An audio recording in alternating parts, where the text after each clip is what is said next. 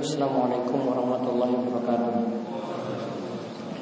Alhamdulillah Alamin Hamd kasihan tayyiban barakan fih Yuhibbu rabbuna yardah Wa ashadu an la ilaha illallah Wahdahu wa syarika lah Wa ashadu anna muhammadan abduhu wa rasuluh Allahumma salli ala nabiyina wa sayyidina Muhammad Wa ala alihi wa man tabi'ahum bi ihsan ila yaumil Allahumma anfa'na bima 'allamtana wa 'allimna ma yanfa'una wa zidna ilma Alhamdulillah para jemaah sekalian, ikhwan fillah wa fillah rahimahullah.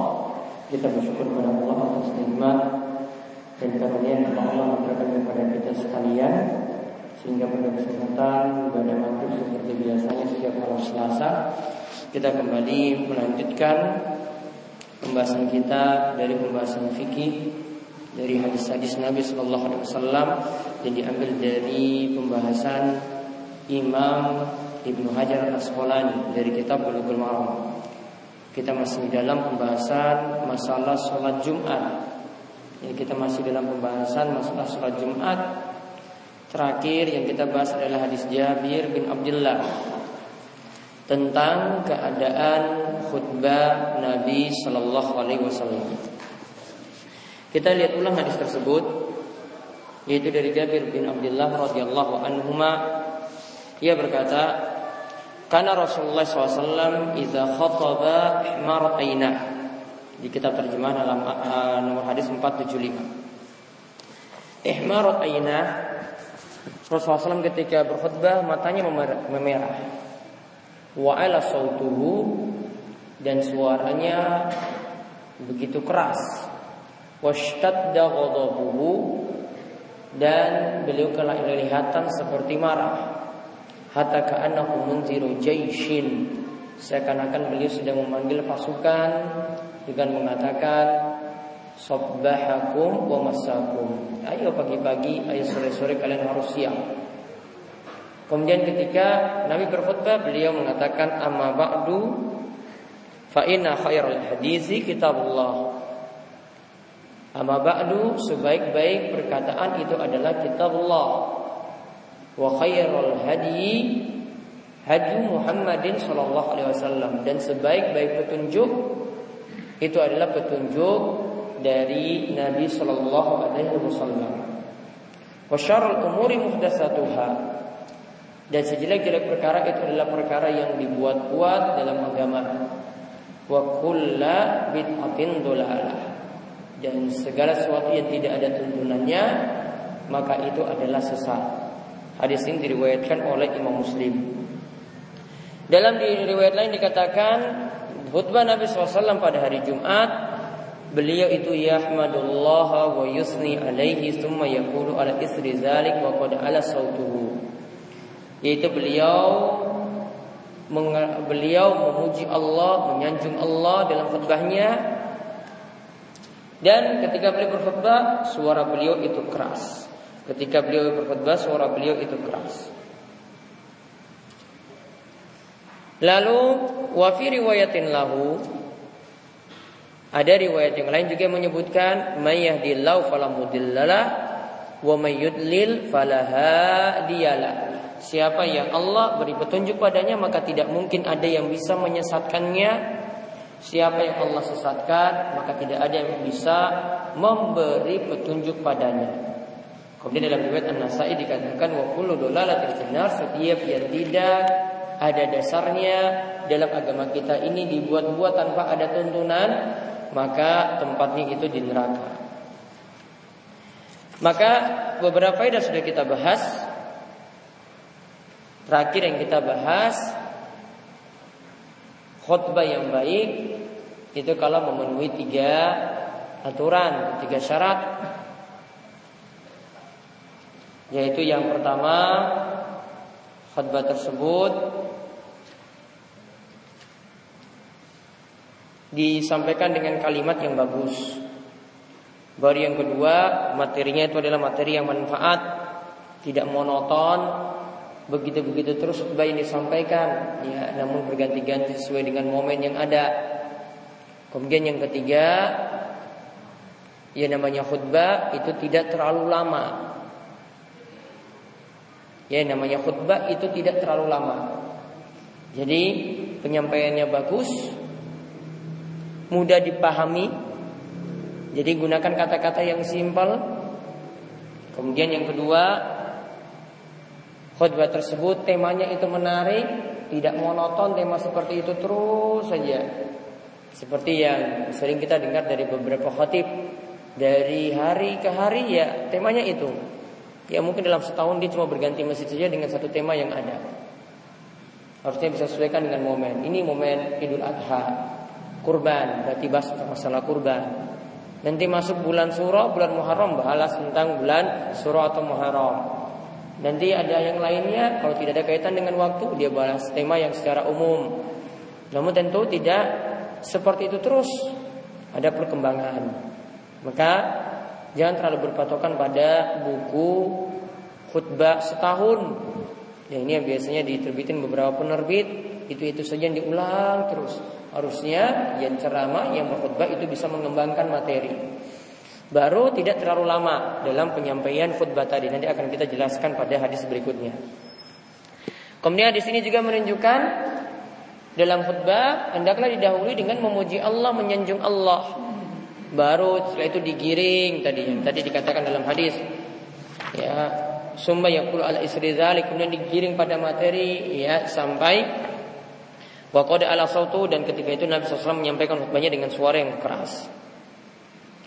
Nah di antara isi khutbah Nabi SAW yang tadi disebutkan dalam hadis Jabir, beliau menyampaikan tentang masalah berpegang kepada kitabullah Al-Quran berpegang kepada hadis karena itu sebaik-baik petunjuk. Kemudian hati-hati dengan perkara yang asal-asalan yang tidak ada dasar, yang tidak ada tuntunannya. Atau yang disebut dengan istilah di sini oleh Nabi SAW disebut dengan istilah bid'ah. Maka ini perlu atau wajib diwaspadai. Maka faedah yang selanjutnya Nabi SAW mengingatkan untuk berpegang teguh pada Al-Quran, pada hadis Nabi,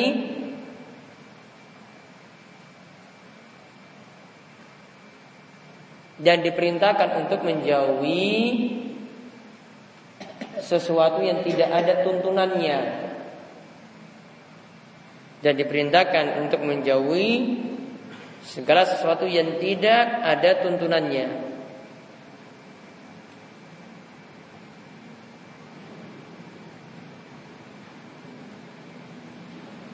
Dan di sini Nabi SAW ingatkan dengan katakan yang tidak ada tuntunannya tadi atau bid'ah yang tadi disebut oleh baginda Nabi SAW ini adalah suatu kesesatan. Kenapa dikatakan sesat? Karena tadi kalau mengikuti petunjuk Nabi, ya ini adalah jalan selamat. Karena katakan tadi fa hadisi kitabullah Wa khairul hadiah hadiah Muhammad sallallahu alaihi wasallam. Sebaik-baik petunjuk adalah mengikuti petunjuk Nabi. Berarti kalau tidak mengikuti petunjuk Nabi, dia buat-buat amalan sendiri, berarti keluar dari petunjuk alias sesat. Dan dalam hadis ini dikatakan bid'ah itu secara umum, yang diingatkan itu secara umum, tidak dikatakan ada yang hasanah, tidak dikatakan ada yang sayyi'ah Nabi SAW ingatkan secara umum.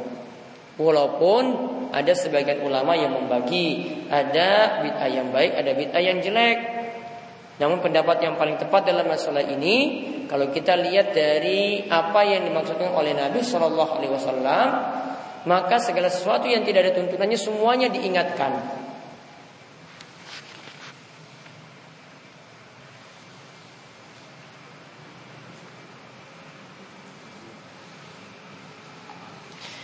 Karena itu yang disampaikan oleh Nabi, para sahabat pun itu memahami demikian. Coba perhatikan perkataan dari Ibnu Umar yang diriwayatkan dari Allah Allah Likai. Ia katakan Ibnu Umar itu mengatakan kullu bid'atin dhalalatun setiap bid'ah itu adalah sesat wa in nasu hasanah. Walaupun orang-orang itu menganggapnya baik. Baik itu tidak cukup jadi niatan kita baik dalam beramal tidak cukup. Yang tepat kita beramal selain niatan yang baik juga harus mengikuti tuntunan Nabi Shallallahu Alaihi Wasallam. Begitu juga apa yang dikatakan oleh Ibnu Mas'ud. Ibnu Mas'ud mengatakan ittabi'u wa la tabtadi'u faqad kufitum. Ikutilah saja apa yang berasal dari tuntunan Nabi. Jangan membuat-buat bid'ah, jangan membuat sesuatu yang baru-baru dalam agama. Fakot kofitum dengan petunjuk Nabi tadi itu sudah mencukupi kalian. Jadi ikuti saja apa yang sudah Nabi Shallallahu Alaihi Wasallam itu contohkan. Nah itu masalah khutbah tadi. Ya, khutbah dari Nabi Shallallahu Alaihi Wasallam di antara isinya seperti itu. Dan di situ dijelaskan tentang uh, bagaimana Nabi SAW itu menyampaikan khutbahnya. Nah, untuk membahas masalah khutbah ini, kita lihat selanjutnya tentang disunahkannya khutbah itu tidak terlalu lama. Solatnya yang lebih lama daripada khutbah. Dikatakan dalam hadis Ammar bin Yasir radhiyallahu anhuma. Dari hadis Ammar bin Yasir radhiyallahu anhuma ia mengatakan sami'tu Rasulullah sallallahu alaihi wasallam yaqul Aku pernah mendengar Rasulullah sallallahu alaihi wasallam bersabda Inna tula salatir rajuli wa kisar khutbatihi ma'innatun min fiqhihi Kata Nabi SAW sesungguhnya panjangnya atau lamanya sholat seseorang. Di sholatnya lama. Dan ringkasnya khutbahnya. Itu tanda bahwasanya orang tersebut punya kepahaman dalam agama. Itu tanda orang tersebut punya kepahaman dalam agama. Hadis ini rawah Muslim diriwayatkan oleh Imam Muslim. Maka di sini menunjukkan faedah yang pertama khutbah itu baiknya ringkas. Tidak lama-lama. Kalau kita hitung-hitung 20 menit itu sudah paling maksimal sebenarnya. Ya 20 menit itu sudah paling maksimal. Apa manfaatnya khutbah yang ringkas? Ya, ini khusus untuk khutbah Jumat. Mau ceramah mau satu jam dua jam ya monggo. Namun kalau kita bahas khutbah Jumat, di mana orang-orang yang berkumpul situ banyak, ada yang biasa dengar pengajian, ada yang biasanya tidak dengar, tidak pernah dengar pengajian, ada yang sholatnya itu rajin, ada yang sholatnya tidak rajin, ada yang bisa tahan kantuk dan ada yang tidak bisa tahan ngantuk. Karena audiensnya ini beda-beda, maka Nabi SAW memilih khutbah itu dibuat ringkas. Faidahnya, khutbah yang ringkas.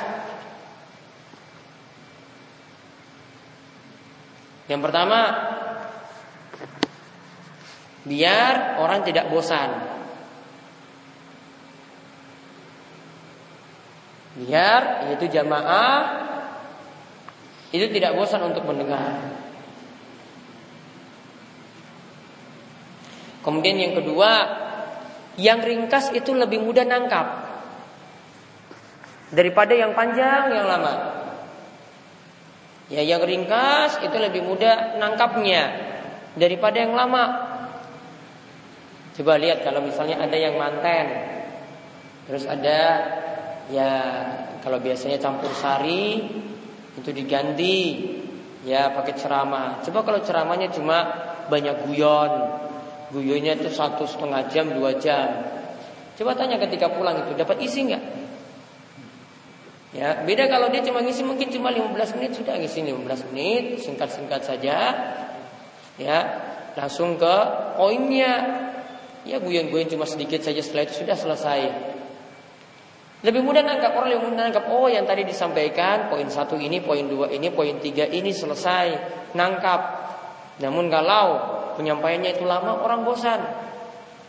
Karena asalnya kita ketika di majelis-majelis seperti itu, orang-orang itu asalnya kalau mau dengar terlalu lama itu capek. Ya, mendengar terlalu lama itu capek, maka dibuat lebih ringkas. Jadi ada strategi kapan menyampaikan panjang, menyampaikan ringkas itu kapan. Itu ada waktunya. Nah, maka di sini dipilih khutbah Jumat itu ringkas karena kalau makin ringkas orang makin mudah nangkapnya. Coba kalau lihat kalau khutbahnya terlalu lama, orang tambah emosi juga. Ini imam meningkapkan selesainya. Kalau ada yang sampai emosi itu cuma amin amin saja di belakang. Amin amin khusus suruh imam itu cepat doa.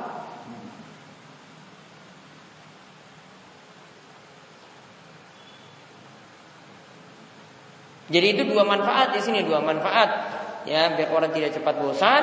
Kemudian yang kedua cepat nangkap karena ringkas. Karena tipe orang sekali lagi yang hadir dalam khutbah Jumat, dalam sholat Jumat itu beda-beda. Maka dibuat yang lebih sederhana. Makanya tadi saya bilang syarat-syarat juga. Kami sebutkan tadi syarat-syarat. Dalam khutbah itu kalimatnya mudah ditangkap oleh orang. Jangan yang uh, dengan bahasa yang kelas tinggi atau dengan bahasa yang banyak sairnya atau dengan bahasa orang intelek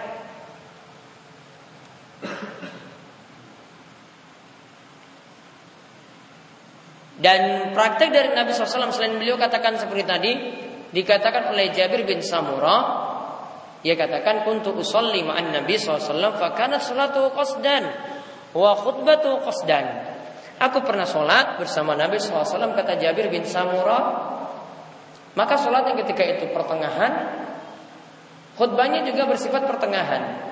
Kata Ibnu Hajar yang dimaksudkan dengan qasdan di sini adalah wasat yaitu pertengahan tidak terlalu singkat dan juga tidak terlalu lama. Jadi pertengahan orang-orang menganggap wah tidak terlalu cepat itu pas. Juga tidak terlalu lama. Juga dikatakan karena Rasulullah SAW la yutil mau'idha yaumal jum'ah innama hiya kalimatun yasirat. Dikatakan oleh Jabir juga di sini Rasulullah SAW itu dalam menyampaikan nasihat pada hari Jumat itu tidak panjang, tidak lama. Yang beliau sampaikan cuma kalimat-kalimat yang yasir, kalimat-kalimat yang singkat, simpel.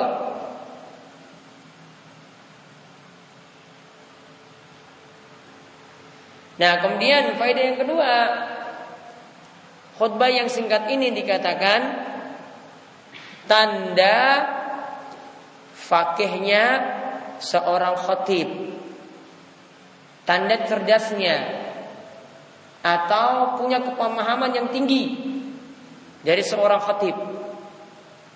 Kenapa? Karena dia bisa buat ya pelajaran yang banyak dirangkai dalam beberapa kalimat saja. Sudah orang bisa nangkap semuanya. Dan sebagaimana kata Imam Syafi'i, khutbah yang bagus Ya, kata Imam Syafi'i khutbah yang bagus itu kalau memiliki tiga sifat. Khutbah yang bagus kata Imam Syafi'i itu kalau memiliki tiga sifat, tiga sifat ini disebutkan dalam Al-Um. Yang pertama kosdan tidak terlalu lama dan tidak terlalu singkat. Tengah-tengah. Kemudian yang kedua, balighan Kalimat yang mudah dipahami. Dan yang ketiga, jami'an. Jami'an itu maksudnya mencakup semua, artinya singkat, padat, jelas. Jadi singkat, namun isinya itu padat. Jadi nggak bertele-tele. Dan memang rata-rata sabda Nabi SAW itu seperti itu. Makanya disebut ya sabda Nabi SAW itu jami'ul kalim, kalimat yang singkat padat jelas. Gak bertele-tele. Nabi SAW sampaikan hadis nasihatnya singkat-singkat sekali, namun maksudnya itu dalam. Kalau orang kita zaman kita ini ngomongnya banyak, ya ngomong satu jam, namun intinya cuma mungkin lima menit. Itu bisa diringkas jadi lima menit. Ngomongnya ngalor ngidulnya itu banyak sekali satu jam. Namun kalau diringkas dipadatkan itu cuma jadi lima, lima menit. Entah itu guyonnya banyak, yang satu nggak masuk materi, yang satunya lagi sudah pelajaran lain. Kadang kalau orang ceramah itu ya temanya mau simpulkan juga bingung. Ya, ini lagi bahas apa? Akhirnya pendengar yang simpulkan sendiri, oh ini temanya gini. Nggak bisa disampaikan tema. Jadi orang ketika tidak dapat faedah apa-apa. Kemudian faedah yang ketiga disunahkan Sholat itu lebih lama daripada khutbah.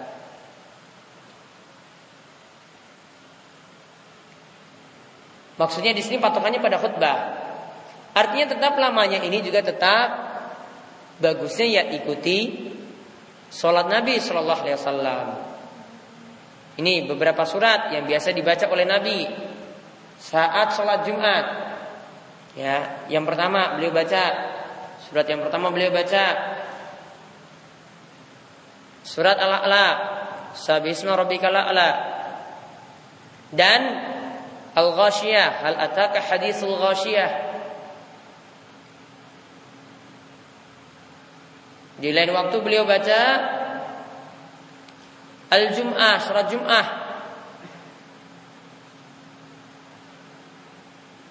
Dan pasangannya adalah surat Al-Munafikun.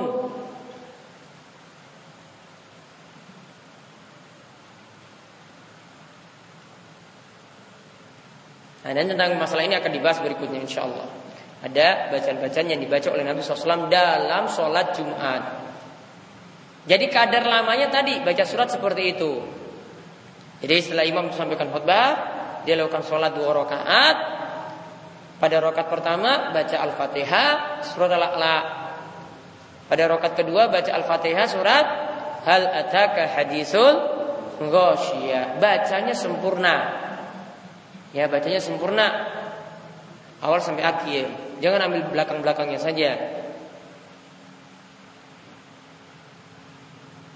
Nah, kemudian sekarang kita lihat hadis ke-9 dalam bab ini disunahkannya baca surat Qaf saat khutbah. Khutbahnya ini. Jadi Nabi SAW itu biasanya khutbahnya ulang-ulang bahas surat Qaf terus.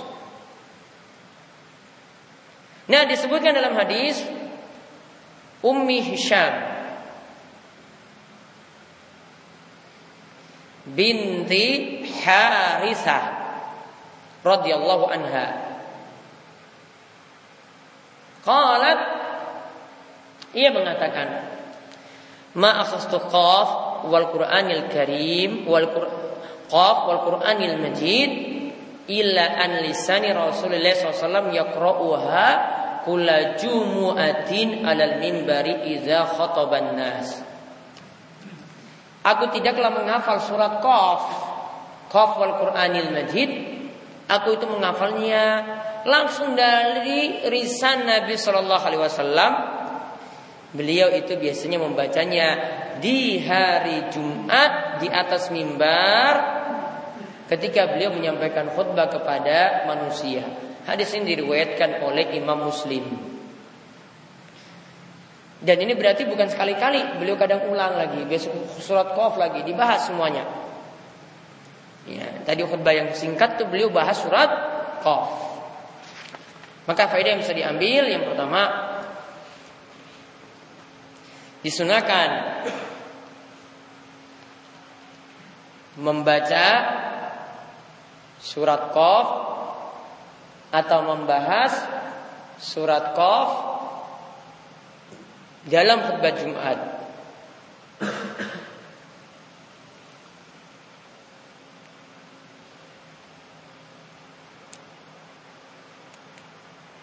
Kenapa dipilih surat Qaf? Ini kandungannya, bisa dicatat kandungannya. Karena dalam surat Qaf itu terdapat kandungan Yang pertama tentang penciptaan manusia.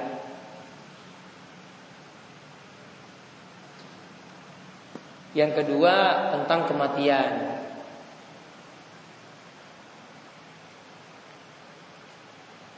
Yang ketiga tentang sakaratul maut.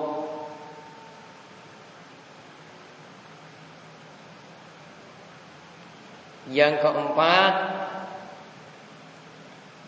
tentang hari berbangkit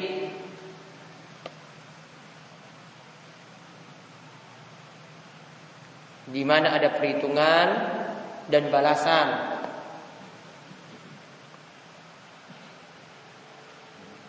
Yang kelima penjelasan surga dan neraka.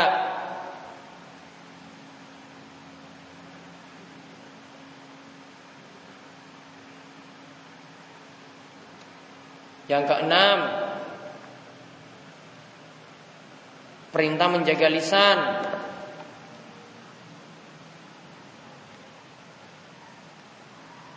Seperti pada ayat ma yalfizu min illa ladaihi atid. Tidaklah sesuatu yang disebut oleh manusia melainkan itu akan dicatat oleh malaikat yang sifatnya raqib dan atid yang selalu menjaga dan mengawasi manusia. Nah, enam hal tadi kalau disampaikan kepada jamaah ini adalah materi yang sangat bagus. Jadi materinya bermanfaat, mengingatkan mereka pada kematian, mengingatkan mereka pada hari berbangkit, mengingatkan mereka juga supaya rajin-rajin jaga lisan, jaga omongan.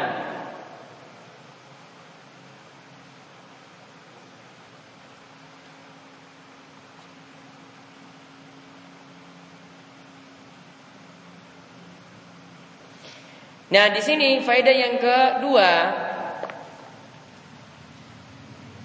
Pembacaan surat Qaf tadi bisa jadi pada khutbah pertama ditambah dengan penjelasan tafsirnya. Karena kalau kita cuma baca saja, khotib cuma baca surat, baca artinya mungkin, namun nggak tahu Tafsirnya seperti apa? Kurang manfaat. Maka dikaji lagi tab tafsir.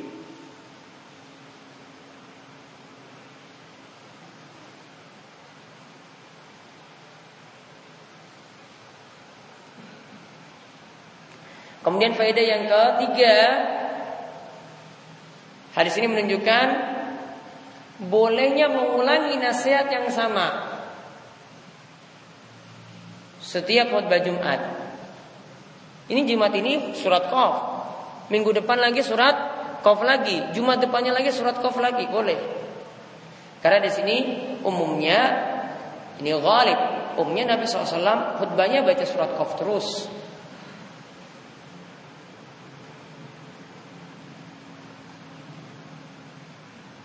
Kemudian faedah yang yang berikutnya lagi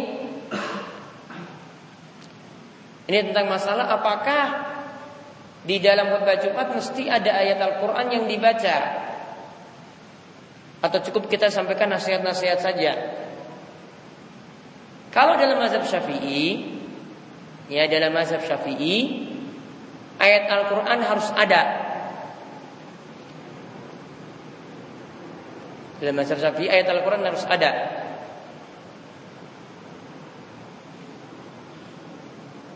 Namun insya Allah pendapat yang lebih tepat tidak mesti ada hukumnya sunnah pokoknya membaca ayat Al-Quran. Karena apa yang disebutkan dalam hadis Ummi Hisham binti Harisah tadi itu cuma perbuatan Nabi SAW dalam kaidah usul fikih dikatakan bahwasanya perbuatan Nabi SAW itu asalnya bukan wajib. Cuma sekedar perbuatan Nabi itu bukan wajib. Nah, namun baiknya di sini dipahami tentang beberapa rukun dan syarat khutbah.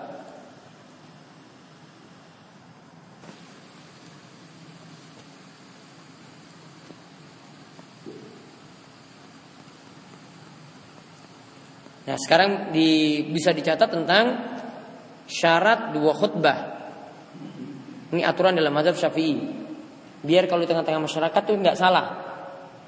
Saya dekati dengan mazhab Syafi'i karena ini yang diterapkan di masyarakat kita. Jadi nggak ada yang protes kalau tahu ini. Yang pertama, ini syarat khutbah ya, syarat dua, khutbah.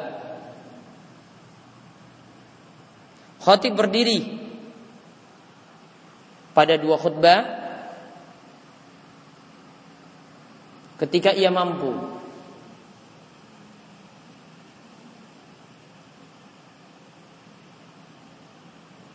Lalu kedua khutbah dipisah dengan duduk.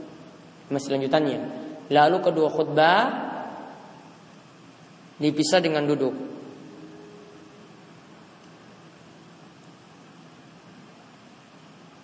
Kemudian syarat yang kedua khutbah dilakukan kemudian sholat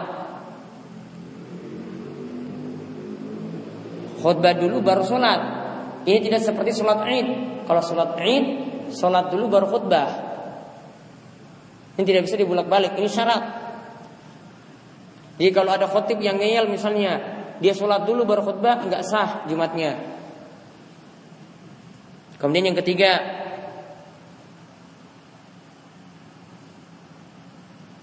Khotib suci dari hadas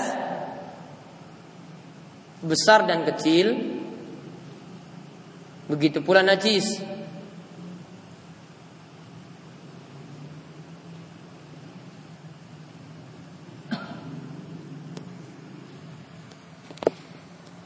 Kemudian yang keempat rukun khutbah diucapkan dengan bahasa Arab.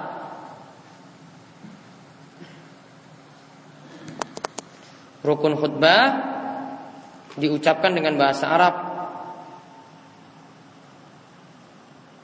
Nah, sekarang rincian untuk rukun khutbah. Rincian untuk rukun khutbah. Ini diingat. Nomor satu,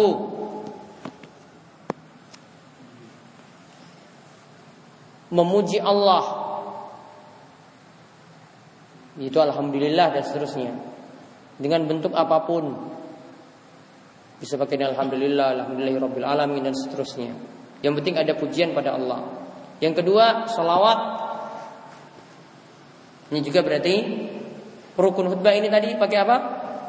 Bahasa Arab. Berarti pakai bahasa Arab juga salawatnya. Kemudian yang ketiga wasiat takwa.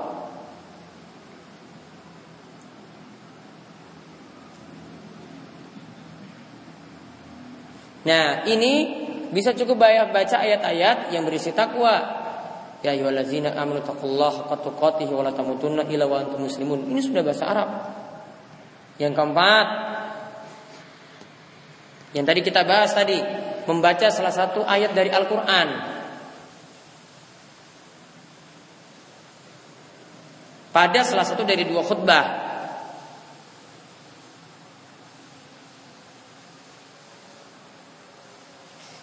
Kalau dikatakan baca ayat di sini baca ayat yang sempurna, jangan cuma alif lam mim saja.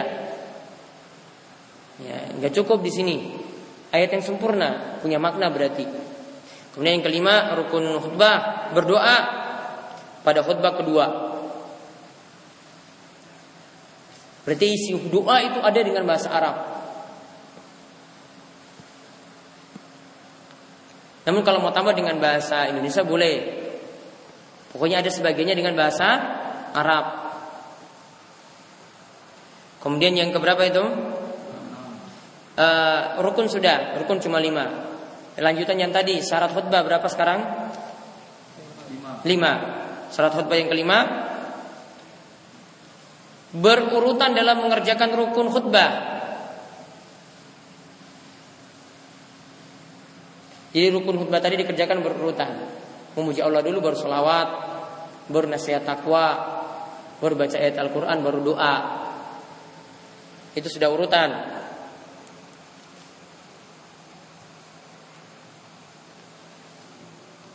Kemudian syarat yang keenam terakhir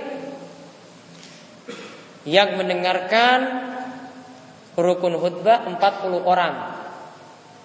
Tapi bercerita di sini itu bukan syarat. Kenapa kemarin bukan syarat? Disebutkan dalam hadis berikutnya eh, sebelumnya berapa orang yang menghadiri khutbah Jumat ketika Nabi SAW itu khutbah kemudian orang-orang lihat unta 12 maka 40 ini bukan syarat tidak dimasukkan tidak masalah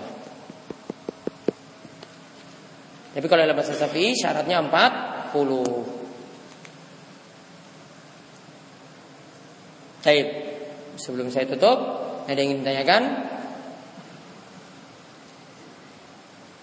Itu syarat-syarat dan rukunya dipenuhi kalau menjadi khotib. Biar nggak salah. Nanti ada yang protes kalau ini nggak ada ini. Oh Pak, jenengan belum baca nasihat takwa dengan bahasa Arab. Apa dalilnya? Ini mereka punya alasan ini Ya, ini aturan dalam mazhab Syafi'i harus diikuti. Daripada cari masalah, dengan oh ya saya salah kalau gitu. Nah.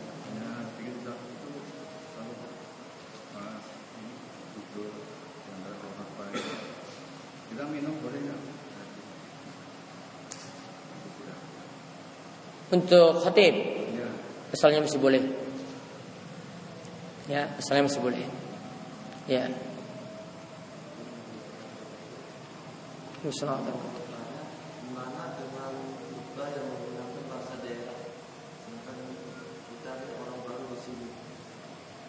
Jadi nggak paham. Hmm. Intinya khotibnya pakai bahasa yang kita tidak paham.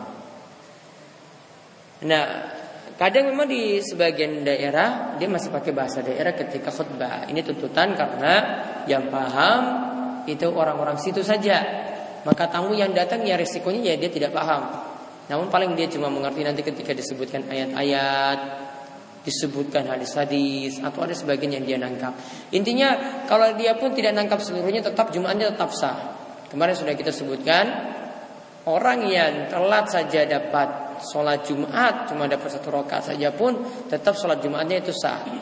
Begitu juga kalau dia tidak paham dari isi khutbah yang ada, tetap juga dikatakan sah. Sama seperti kalau khutbah itu dengan bahasa Arab full semuanya yang kita tidak paham sama sekali tetap sholat Jumatnya sah ketika itu. Ada lagi? Ya.